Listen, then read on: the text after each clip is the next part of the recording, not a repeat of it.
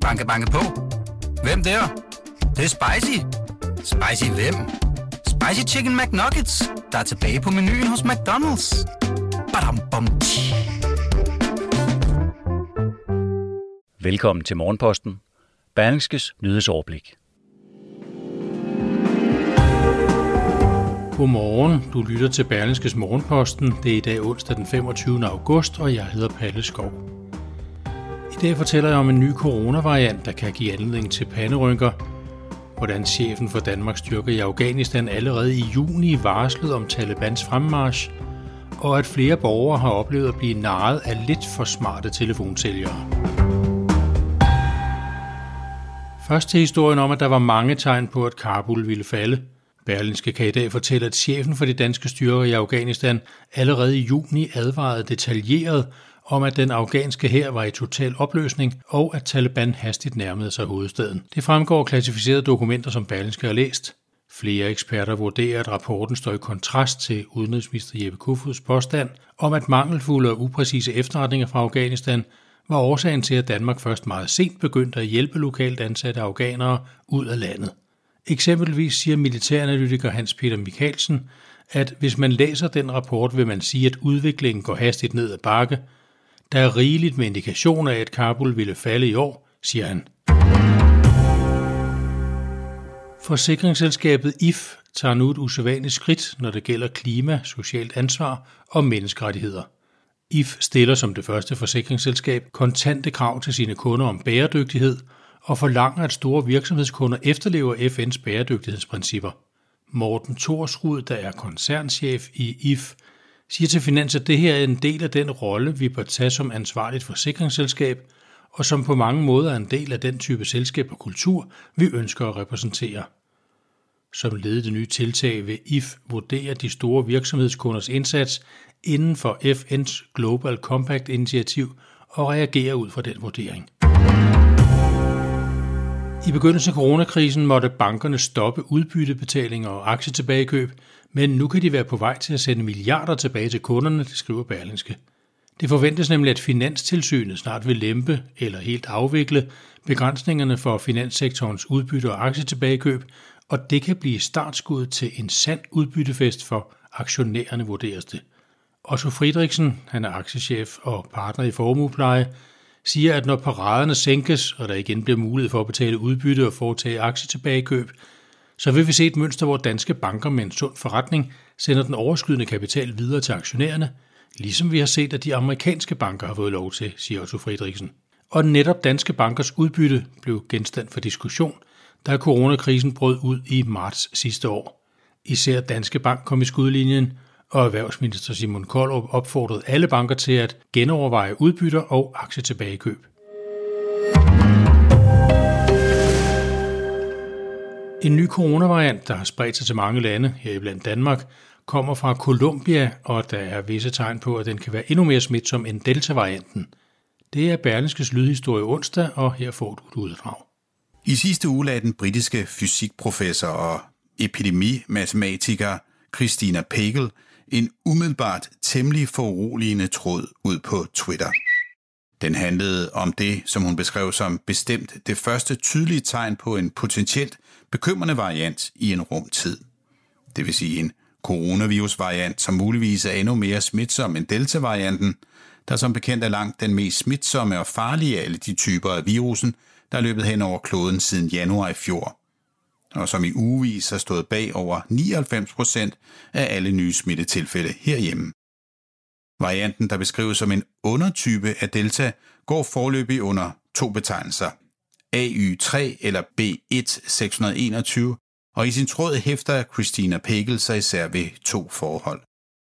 Det ene er et svagt fald i de seneste uger i antallet af registrerede tilfælde i Storbritannien af den klassiske Delta-variant. Det er ikke nødvendigvis bekymringsvækkende i sig selv, men faldet skyldes udelukkende en tilsvarende kraftig stigning i den nye AY3-variant, skriver hun. Det andet, hun hæfter sig ved, er situationen i USA, især i sydstaterne, hvor vaccineskepsisen er mest udbredt. At dømme efter de relativt få amerikanske gensekventeringer, altså detaljerede genetiske analyser af virusen, står den nye variant efterhånden bag mindst 10 procent af alle nye smittetilfælde i hovedparten af det sydvestlige USA. For delstaterne Missouri og Mississippis vedkommende endda over 40 procent.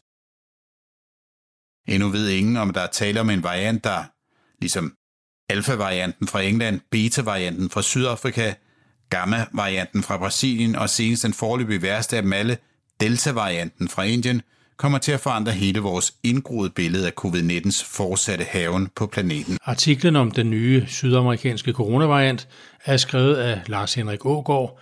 Hele historien kan høres på berlinske.dk eller læses i avisen. En af de virksomheder, som er hårdt ramt af materialemangel, er Skovgruppen, der oplever den største mangel i 14 år. I foråret begyndte priskurvene på byggematerialer at stige voldsomt, og ifølge administrerende direktør i Skovgruppen, Martin Skov Heidemann, er træpriserne siden tredoblet. Det er fuldstændig vanvittigt, det der foregår. Jeg har aldrig set noget lignende i mine 30 år i branchen, siger han til børsen. Skov fortæller, at prisstigningerne er så voldsomme, at de æder virksomhedens indtjening og får budgetterne til at skride. Og firmaet er ikke ene om at mærke manglen på byggematerialer. Nye tal fra Danmarks Statistik viser, at manglen på materialer er på det højeste niveau siden 2007. Morgenavisen Jyllandsposten kan i dag fortælle, at flere danskere oplever at blive narret til at skifte elselskab af smarte telefonsælgere. Klagerne vælter således ind hos forbrugerombudsmanden, og de etablerede selskaber har for længst fået nok af de nye konkurrenter, der ser stort på politianmeldelser og myndighedernes sanktioner. Det er under al kritik og helt vildt bondefangeri, siger en 43-årig kvinde til avisen. Hun blev for nylig narret til at skifte elselskab. Politikens forside historie har klimaet i fokus og fortæller, hvordan danske virksomheder, blandt andet Ørsted, har vekslet over 9 millioner ofte stærkt problematiske klimakreditter til CO2-kvoter. Det har været særdeles skadeligt for klimaet og bidrager til at underminere Europas grønne omstilling, siger eksperter.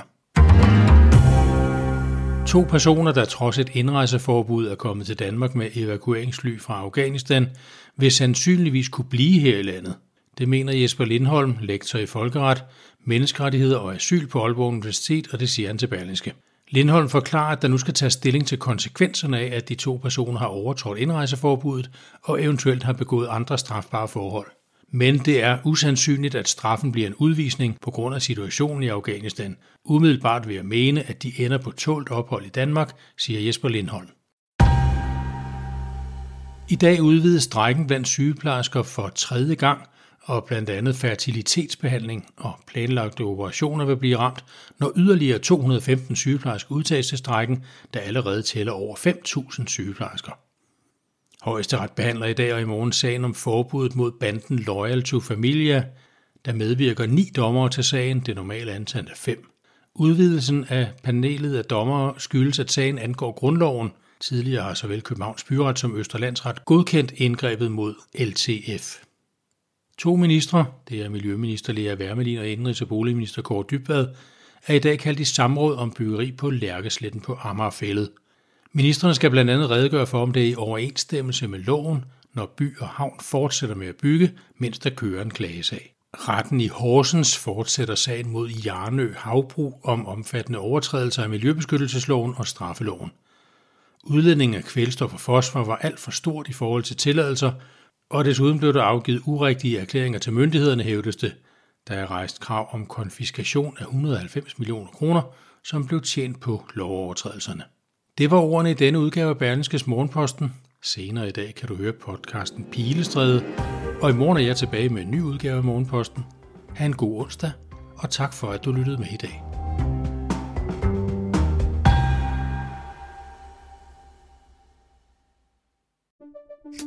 Banke, banke på. Hvem der? Det, det er spicy. Spicy hvem? Spicy Chicken McNuggets, der er tilbage på menuen hos McDonald's. Badum, bom, tji.